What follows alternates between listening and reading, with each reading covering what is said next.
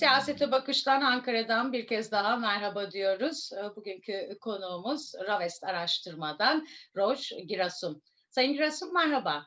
Merhaba. Ee, evet, e, siyaset konuşuyoruz. Hem de böyle polemiklerle, bir sürü iddialarla birlikte çok yoğun bir gündem var. Ee, üçüncü yılını bir de e, bu hafta geride bırakıyoruz. Bu yeni Cumhurbaşkanlığı sisteminin ee, biraz e, bunu da belki e, analizlerde değerlendirmek isterseniz. Şimdi biz uzun süredir e, seçim konuşuyoruz. Bu sistemin son iki yılıdır belki herhalde seçim konuşuyoruz. Bugün de öyle. Her gün bir anket yayınlanıyor. Sizler araştırmalar yapıyorsunuz sahada. En başta o anketlerin birçoğunda muhalefet de öyle diyor. Cumhur İttifakı eriyor. Nasıl bir tablo görüyorsunuz? Cumhur İttifakı eriyor mu gerçekten? Eriyorsa neden eriyor sizce? Evet. Evet, Cumhur İttifakı eriyor. Yani bizim de gördüğümüz sahadan çıkan sonuçlar Cumhur İttifakı'nın oy kaybettiğini gösteriyor. Ee, bu nerede ise bütün kamuoyu araştırmalarının ortak çıkarımı. Ama bu e, erime henüz büyük kütleler halinde değil, küçük parçalar halinde olmaya devam ediyor. Ve e, bu erime Cumhur İttifakı'nın e, kesin şekilde bir seçim yenilgisi ilanı anlamına da gelmiyor. E, Cumhur İttifakı için gittikçe daha kritik, Millet İttifakı için ise daha gittikçe daha sevindirici bir e, dönem. E, daha güç kazandıkları bir dönem. Ama bu halen seçimlerin bıçak sırtı olma halini e, vesaire ortadan kaldırmıyor ve bir diğer şekilde de e, seçimlere giderken hiçbir tarafın kesin bir galibiyet müjdesi anlamına da gelmiyor. Şimdi Ahmet Hakan yazmıştı. Yüzde 38-40 veriyor e, MYK üyesi parti oyu için. E, gerçekçi bu rakam e, sizin ölçümlerinizi de değerlendirdiğinizde? Yani evet, e, bu biraz bıçak sırtı dediğim gibi ama bu sonuçlar kamuoyu araştırmaları en nihayetinde ay ay değişebilen sonuçlar. Seçmen davranışı değişebiliyor. Daha sonrasında kendi partisine yönelebiliyor. Bazen kararsızlarda birikebiliyor. Ama yani yani bir rakam vermekten ziyade bir rakamın şu anda doğruluğundan bahsetmekten ziyade e, durumun bıçak sırtı olduğunu ifade etmek, e, Cumhur İttifakı'nın erimede olduğundan bahsetmek e, ve bunun nedenleri üzerinden konuşmak daha sağlıklı olur. Neden bir oy kaybı, bir uzaklaşma, bir mesafe koyma ya da kararsıza dönüşme belki tercih de yapmadılar. Bir geniş kararsız kitleden bahsediliyor. En büyük parti Kararsızlar Partisi yorumları da var. Neden sizin tespitlerinize göre? Evet. bir defa şimdi seçmen e, uzun süredir AK Parti'den rahatsızlığını ifade ediyordu. Özellikle AK Partili seçmen. E, yine Milliyetçi Hareket Partisi'ne e, bu ittifak içerisinde bir tepki oy verilmişti. Yani çok fazla bir yere kaymadan e, daha çok e, ittifak içerisinde hareket etme e, pozisyondaydı seçmen. Hem Millet İttifakı açısından hem Cumhur İttifakı açısından. Ancak Cumhur İttifakı üzerinde konuşacak olursak şu an bu e, rahatsızlığın AK Parti'yi aşan şekilde biraz daha Cumhur İttifakı'nın geneline yayılan bir rahatsızlık olduğu görülüyor. E, herkes e, görüyor işte son bir e, senedir özellikle pandemiyle de beraber Türkiye'de çok ciddi bir ekonomik bozukluk var. Bu ekonomik bozukluk artık seçmen tarafından çok tolere edilebilecek düzeyde değil. Hükümetin de yönetebileceği bir kriz olmaktan çıkıyor. Ve doğrusu hükümet artık çok umut vaat etmekten çıkıyor. Bu ekonomik krizi toparlayabileceği hissiyatı, güvenini çok sağlayamıyor bir süredir. E, ancak bununla beraber bu e, çok büyük oy kayıplarına sebebiyet vermiyor. Bu da henüz muhalefetin e, ülke yönetebileceğine dair büyük bir güven hissiyatını seçmende oluşturamamasıyla alakalı, çokça alakalı. Ee, özellikle AK Parti'nin e, bu 18 yıllık iktidarı döneminde e, kazanımlar elde ettiği düşüncesinde olan seçmenler bu kazanımlarını hem kaybetmekten korkuyor, öte taraftan istikrarsız bir hükümet e, korkusu var. Bu, bu korku gittikçe azalsa da halen hakim bir korku. Çünkü öte taraftan e, henüz Millet İttifakı'nın dört başı mamur bir politikası yok. Çok fazlasıyla birbirine benzemezlerden oluşuyor. Bu her an bir kriz ihtimali, riski hissiyatı uyandırıyor seçmende. E, e, bu hissiyatta e, Cumhur İttifakı'ndan ayrılmayı zorlaştırıyor e, günün sonunda. O yüzden Cumhur İttifakı e, oy kaybetmekle beraber öncelikle bu e, oy kayıpları biraz kararsızlara kayıyor. Kararsızlardan e, sonra da e, biraz durumu yokladıktan sonra ya e, AK Parti'ye geri dönüyor ya da e, diğer e, siyasal partiler arasında e, küçük e, ve eşit şekilde dağılıyor. Şimdi aslında size soracağım CHP neden e, sonuçta e, ikinci büyük parti neden yükselmiyor sorusuna bir anlamda yanıt almış oldum. E, ama sizin bir paylaşımınız vardı. Özellikle Doğu Güneydoğu Anadolu bölgesinde Kürt seçmende e, orada bir e, kıpırdanıştan bahsediyordunuz. E, CHP'nin oyu biraz daha topluca belki bir ilk kez daha ifade edilebilir. Neden e, o güven probleminden bahsediyorsunuz ama neden yükselmiyor? Doğu'da o izlediğiniz e, değişim nedir? Evet. Şimdi çok uzun süredir Türkiye'de seçmen davranışıyla Kürt seçmen e, arasında özellikle bölgedeki Kürt seçmen davranışı arasında bir farklılık belirmeye başladı. Yani bu sadece oy verilen siyasal partilerle alakalı değil. Zaten bu geçmişten beri böyleydi belki. E, ama e, şimdi e, bir siyasal partiye ya da bir seçmen davranışına dönük tepkiler de farklılaşıyor. E, Kürt seçmenle Türkiye geneli seçmen arasında e, farklılıklardan bahsetmeye başladığımızda. E, özellikle Kürt seçmen e, açısından şöyle bir durum var. Yani e, 2002'den 2015'e kadar e, bölgede e, HDP ile AK Parti arasında tanzim edilmiş dağıtılmış e, bir tablo vardı. Yani bu iki siyasal parti dışındaki diğer siyasal partilerin çok e, irili, e, ufaklı, e, yani ufa, çok ufak partiler olduğunu, çok böyle anlam taşıyan e, sayısal e, kazançlar elde edemedikleri, sayısal başarılarla e, öne çıkamadıklarını gördük. Şimdi çok uzun süre sonra Cumhuriyet Halk Partisi burada görünür olmaya başladı. Evet Türkiye genelinde arttırdığı oydan fazlasını arttırıyor Kürtler arasında. E, bu, bu önemli. Bence bu e, altı çizilmesi gereken bir nokta. Şu an CHP e, evet Türkiye genelinde de oylarını kısmen arttırıyor gibi görünse de çok büyük bir çıkışta değil, çok büyük bir yükselişte değil. E, Millet İttifakı e, bir bütünen e, biraz oyunu arttırıyor parçalar halinde ama CHP'nin çok böyle büyük bir yükselişi vesaire de hissedilmiyor. E, ama bütün bunlarla beraber e, şunu ifade etmekte yarar var. E, Cumhuriyet Halk Partisi'nin burada e, çok uzun erimli e, bir siyasal dönüşümünün e, meyveleri var. Meyveleri toplanmaya başladı. Ah, e, tabii bu e, oy artışı Türkiye geneline vurduğunuz zaman ya da işte e, oransal bir yerden daha matematiksel bir hesaba e, çektiğinizde hesapladığınızda çok büyük e, bir oya tekabül etmiyor. Ama e, üzerine konuşulması gereken e, ve e, anlaşılması gereken bir değişim bu. E, çünkü CHP'nin oy oranı şu anda bölgede e, iki yıl içerisinde yani şimdi üç yıl içerisinde 2018 Cumhurbaşkanlığı seçiminin yıl dönümündeyiz bugün e, bu üç yıl içerisinde neredeyse üç kat arttığını görüyoruz.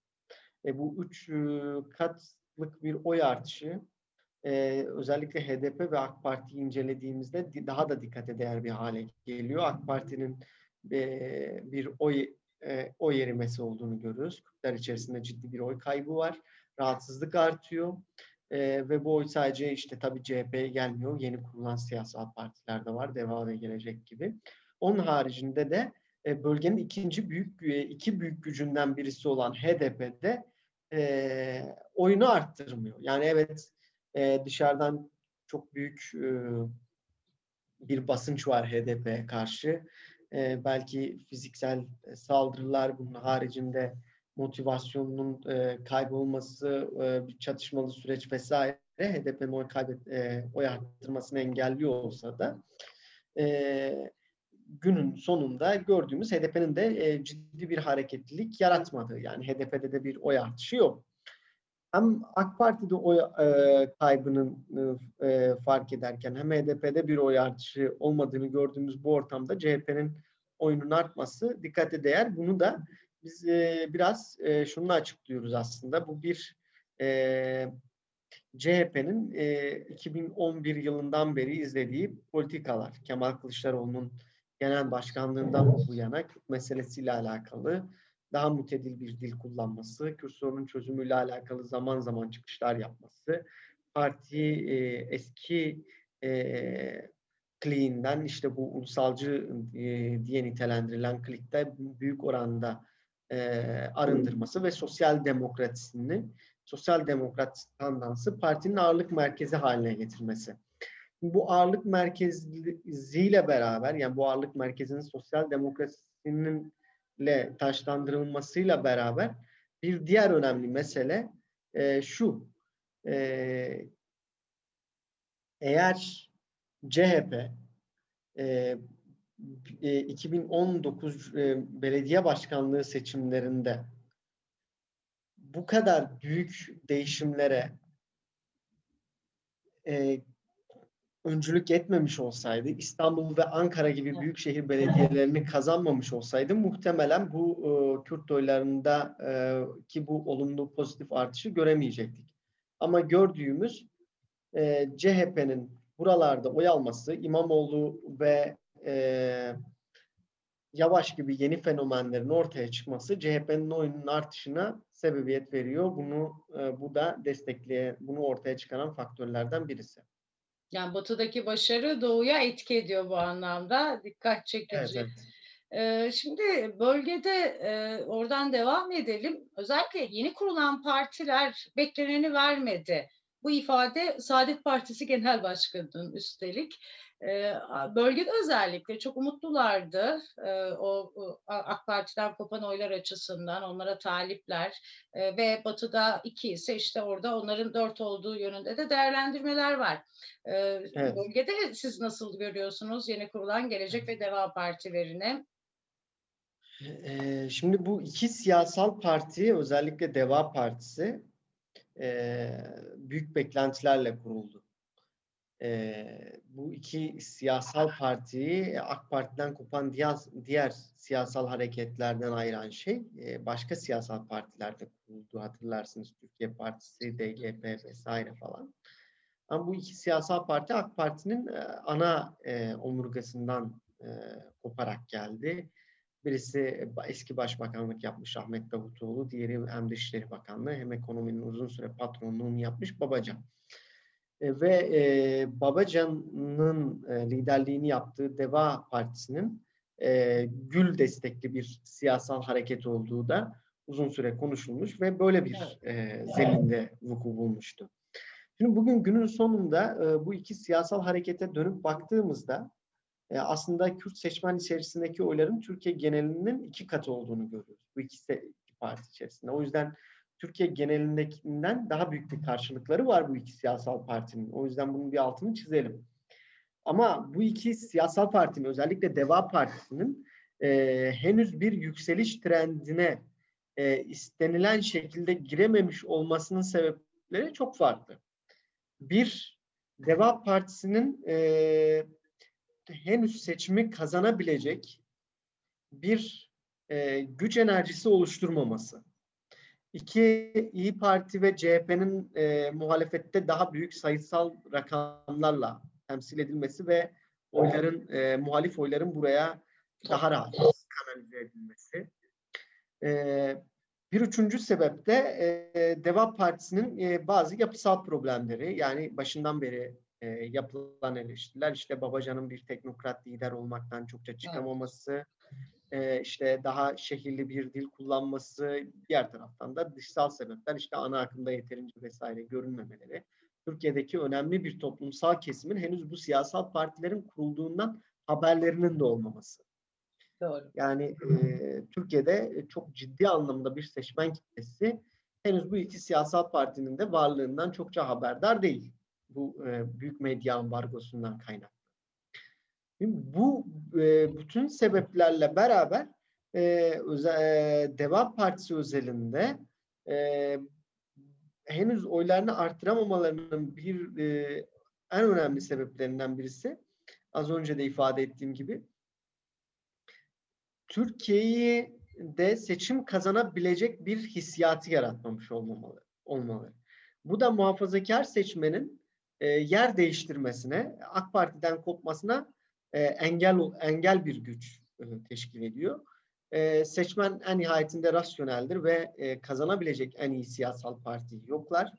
E, muhafazakar seçmenine ve çok ciddi bir e, AK Parti'den duyduğu ciddi bir rahatsızlık var. Ekonomik e, rahatsızlıklar vesaire. AK Parti'nin yapısı olarak e, yıprandığı, e, işte artık bu yükü taşıyamadığı, ülke yönetemediğine dair ciddi hissiyatlar, krizler var.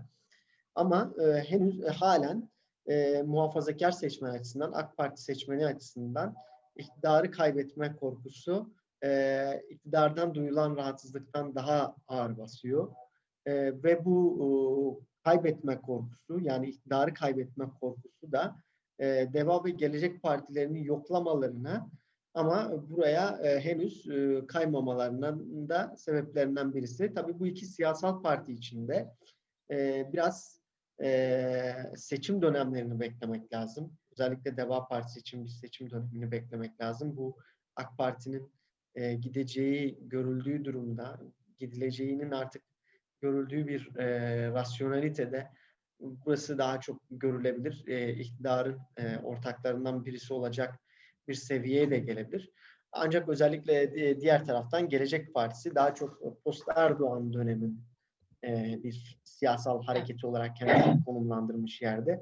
O da e, ama de, Gelecek Partisi'nin beklentinin üstünde, Deva Partisi'nin ise beklentinin altında olduğu görülüyor şu anki siyasal tabloda. Tabii biz bunu bunları yine mevcut e, duruma göre e, e, normal şartlar altında diye konuşuyoruz. E, HDP hakkında bir kapatma davası açıldı. E, şimdi oraya geçelim çünkü siyaseti eğer bir kapatma olursa bu kapatma davasının etkisi ne olur? kapatma gerçekleşirse bu siyasi sonucu bunun ne olur? Yüzde onluk bir siyasi parti. Buna dair geçmiş deneyimleri de değerlendirmişsinizdir mutlaka. Bugünün tablosu seçmen profiline bakılırsa ne umuluyor, ne olur sizce? Bir ölçümünüz, analiziniz var mı bu konuda? Şimdi e, HDP geleneğinden gelen siyasal hareketlerin e, her bir kapatılan her bir partiden sonra açılan yeni siyasal parti Selef'inden daha büyük oy aldı. Yani bu, bu doğru. matematiksel bugünden gördüğümüz bir sonuç. E, DEHAP HADEP'ten fazla aldı, HADEP DEP'ten fazla aldı, e, BDP e, DTP'den fazla aldı, e, HDP e, bunların hepsinden fazla oy aldı. Ancak tarih böyle bir süreç, böyle bir mekanizma değil. Yani e, her defasında denenen aynı sonuçları veren e, bir yer değil. Yani e, bir çelişkiye de bir yeni e, sürece de e, hazırlıklı olmak ve e, bu şekilde e, başka seçenekleri de değerlendirmek gerekiyor. Bu bu işin tarihsel süreci. Ancak bugünden gördüğümüz şey şu. 2015'ten bu yana, 2014'ten bu yana hatta e, HDP denilen bir siyasal parti e, seçimlere giriyor. Ve Türkiye'de e, HDP geleneğinden gelen siyasal partilere ilk defa e, bir aynı seçmen üç defa aynı logoya basarak seçime girdi. 2015 7 Haziran'da, 2015 1 Kasım'ında, 2018 Cumhurbaşkanlığı seçiminde ve hatta 2019 yerel seçimlerinde. Yani dört seçim olmuş oluyor. Bu e, bir çok önemli bir hafıza. Yani bu e, çok e, önemli bir e, etken de HDP'nin oyunu koruması, o hafızayı kaybettirmemesi vesaire. Tabii ki her bir siyasal partinin kapatılması başka reflekslere vesaire sebebiyet veriyor ama en nihayetinde e, bu siyasal partilerin e, kapatılması her defasında yeni bir hafızaya yeni bir hafıza yenilenmesine, bu siyasal partilerin yeniden görünürlük e, çabasına vesaire sebebiyet veriyor. Şimdi bir de Türkiye'de HDP'nin e, teşkilatlarının vesaire dışsal sebepler e, nedeniyle yaşadıkları krizleri zayıflıkları biliyoruz. Ee, özellikle Taşra'da HDP'nin e, örgütlenmeleri daha zor durumda. Biraz güvenlik bürokrasisinin vesaire etkileri var.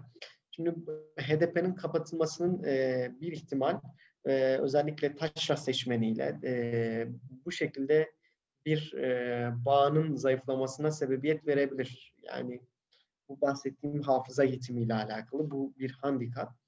Öte taraftan e, HDP'nin normal şartlarda başka bir adaya ikna edemeyeceği seçmen grupları var. Kendi içerisindeki seçmen grupları yani. HDP'ye oy vermekle beraber e, si siyasetini e, henüz AK Parti karşılığı üzerinden tahkim etmeyen, e, o kadar ideolojik bir e, sahikle oy vermeyen bir seçmen grubundan bahsediyorum. E, bu seçmen grubu HDP'nin kapatılması durumunda HDP'nin işaret edeceği bir adaya çok daha rahat oy verebilir Erdoğan karşısında.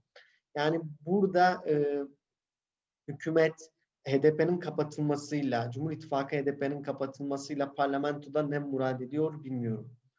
Ee, ama ya da nasıl bir sonuca ulaşır bunları bugünden konuşmak hipotetik önermeler olur. Yalnız Cumhurbaşkanlığı seçiminde, başkanlık seçimlerinde e, bu seçmen grubunun oy vermesini engelleyemeyecek. Yani burada çıkacak bir adaya HDP seçmeninin daha güçlü şekilde çalışması, daha yoğun motivasyonla gidip oy vermesi, hatta kendi e, seçmeninin de daha büyük bir kırılmayla e, gidip karşıdaki adaya oy vermesi daha güçlü bir olasılık. Ve bu olasılıkların ben hükümet cenahından çok uzun e, erimli şekilde, çok böyle rasyonel şekilde değerlendirildiğini henüz düşünmüyorum. Türkiye'de bir başkanlık rejimi var artık ve bu başkanlık rejiminde HDP'nin kapatılması seçimler açısından çok anlam ifade etmiyor. Evet ama Cumhurbaşkanlığı seçimini etkileyebilecek sonuç üretebilir. Evet diyor. Yani bu e, Kürt seçmenin daha yoğun bir motivasyonla Erdoğan karşıtlığı üzerinden oy kullanma davranışını şekillendirebilir. E, yani parlamentoda parlamentoya HDP'nin girişini engellemek üzerine kurulan bu e, adımın e, Cumhurbaşkanlığı seçimlerinde adaylar bazında başka yansımaları olacak. Çünkü az önce de ifade ettiğim gibi e, Türkiye'de artık milletvekilliği seçimleri Cumhurbaşkan e, Cumhurbaşkanlığı seçimiyle beraber yapılıyor ve Cumhurbaşkanlığı seçiminin kendisi milletvekilliği seçiminden, parlamento seçimlerinden çok daha anlamlı. Çünkü artık bütün yetkiler başkanlıkta, Cumhurbaşkanlığında, parlamento zaten çok kısıtlanmış durumda. Hali hazırda HDP'nin parlamentoda olmasının kendisinin dahi çok yarattığı büyük bir e, durum yok. Muhalefetin genel anlamda olmasının çok büyük bir anlamı yok. Artık çok etki edemiyorlar bu e, genel parlamenter sistem sebebiyle.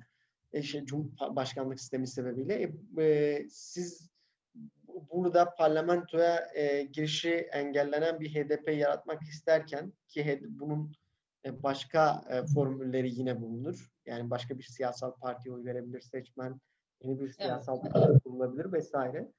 E, ama e, Cumhurbaşkanlığı seçimi için e, Cumhur, e, Cumhur İttifakı ne yapacak? HDP seçmenin seçimlere girmesini mi engelleyecek? Evet, önemli bir soru. son olarak sıklıkla ifade ediliyor. Bu seçimin sonucunu gençler, Z kuşağı, yeni ilk kez oy kullanacak seçmenler belirleyecek diye. Öyle mi? Siz ne düşünüyorsunuz bu konuda? Ya da bu seçimin sonucunu sizce kim belirleyecek? Ne e, genç seçmen dediğimiz seçmeni, bu Z kuşağı dediğimiz seçmeni bir defa yine böyle yekpare, homojen bir seçmen grubu olarak tanımlamamak lazım. E, Türkiye'de AK Parti'nin iktidara gelişi 2002 bu, e, ve o günden bugüne oy kullanmaya başlayan, ilk defa oy kullanmaya başlayan seçmenler şu an Türkiye'de o dönemden önceki seçmen grubundan çok daha fazlası.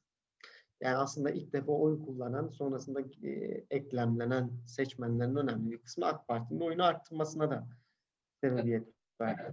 E, ama bütün bunlarla beraber e, Z kuşağı diye tabir edebileceğimiz e, genç seçmenler, özellikle ilk defa oy kullanacak seçmenlerde AK Parti'nin e, artık birinci, siya, birinci siyasal parti olmaktan çıktığını görüyoruz.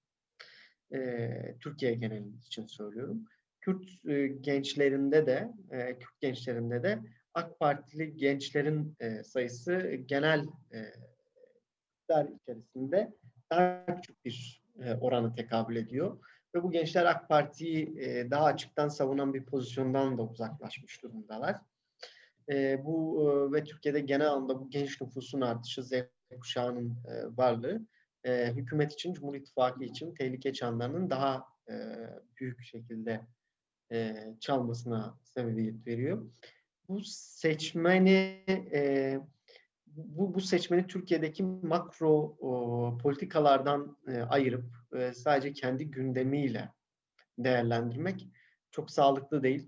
Türkiye'deki e, bu e, büyük ekonomik krizin zaten en çok yansıdığı grup e, genç gençler. En fazla işsizlik gençlerde var. E, bu bu tür e, büyük krizler, bu tür büyük e, problemler e, genç seçmenin tabii ki e, gelecek kaygılarını güçlendiriyor, yeni alternatiflere yönlendiriyor ve e, umut e, arayışına sevk ediyor. Bu umut arayışına e, cevap olabilecek, bu serüvenine anlamlandırabilecek her siyasal söylem, her siyasal aktör, siyasal parti e, buradan güçlenerek çıkabilir. Ancak e, iktidarın e, ve Cumhur İttifakı'nın e, burayı e, heyecanlandırabilecek, buraya e, ışık olabilecek söylemlerden e, son dönemlerde özellikle çokça uzaklaştığı da görülüyor. Bu muhalefet için bir avantaj. Şimdi evet e, gençler etki edecek ama seçimin sonucunu onlar mı belirleyecek ya da işte son olarak sorduğum e, sizce seçimin sonucunu kim kimler belirleyecek? Seçimin sonucunu kimler belirleyecek? Seçimin yani artık seçimler çok bıçak sırtı olduğu için e, herkes belirleyebilir ama e, aslında Türkiye'de böyle seçmen davranışının daha hızlı değiştiği yerler var ya da sadık seçmenlerin daha fazla olduğu gruplar var. E, şimdi AK Parti'nin uzun süre sosyal yardımlar, işte sosyal politikalarla e, dokunduğu bir e, ev kadınları vardı. Ev kadınları e, dediğimiz bir seçmen grubu vardı. Buraya da artık eskisi kadar hitap edemediğini görüyoruz. Şimdi artık yerel iktidar imkanları var. Cumhuriyet Halk Partisi'nin büyük şehirlerde sosyal yardımları kullanabilme, seçmenle direkt temas edebilme imkanları arttı. Bu artık muhalefetin de lehine e, bir yerde oluştu. E, diğer taraftan tabii Türkiye'de ilk defa 2023 yılında olursa seçimler 5 milyon seçmen oy kullanacak. 5 e, milyon seçmenin e, Türkiye genelindeki diğer seçmen gruplarına oranla AK Parti'ye oy verme oranının daha düşük olduğunu görüyoruz. E, ve 2 milyon e, Kürt genç seçmen olacak bu 5 milyon Kürt seçmenden yaklaşık olarak. E, bu da biraz daha böyle altı e, çizilmesi gereken noktalardan birisi, hatırlanması gereken noktalardan birisi. Çünkü bu Kürt seçmen, genç Kürt seçmenin e, genel Türkiye'deki genç seçmenlerle e, farklılıkları var. Meselesinde hassasiyetleri var, talepleri var. E, bu taleplere de dokunacak e, genel anlamda gençlerin makroekonomik problemlerini de çözme niyetinde olacak. Bu dili inşa edebilecek aktörlerin e, seçimleri kazanma ihtimali artıyor. Ama sadece genç seçmeni konuşmamak lazım. E, az önce de bahsettiğim gibi ev kadınlarından da yani AK Parti'nin en sadık seçmen grubu ev kadınlarından da e, çok ciddi bir e, oy değişimi görebilir. Bu e, AK Parti için daha büyük bir sürprize sebebiyet verebilir. Evet ilginç. Hep esnafta bir kopuş olabilir deniliyordu. Ev kadınlarının altını ilk kez siz çizdiniz evet. bu açıdan. Yani çarşının gündemi artık eve de gidiyor. Evet. Yani artık esnafın gündemi artık eve de e, yönelmeye başladı. O yüzden e, bir daha az önce bahsettiğim gibi yani bu yerel iktidar imkanları, sosyal yardımlar, CHP'nin artık e, iktidar olabilme hissiyatını vermesi özellikle bu son yerel seçimler sonrası çok önemli. Evet bunların da sonuçları oluyor ama daha tabii o güne seçim mevzuatını hiç sormadım bile bir mevzuat değişikliği neye yol açar onu da ayrıca tabii değerlendirmek e, gerekecek sanıyorum değil mi? Evet. E, Ravest Araştırma'dan e, Roj Girasun teşekkür ediyoruz yayınımıza katıldığınız için. Ben teşekkür ederim çok sağ olun. Siyasete Bakış'tan Ankara'dan seslendik. Tekrar buluşmak üzere. Bugünlük hoşçakalın.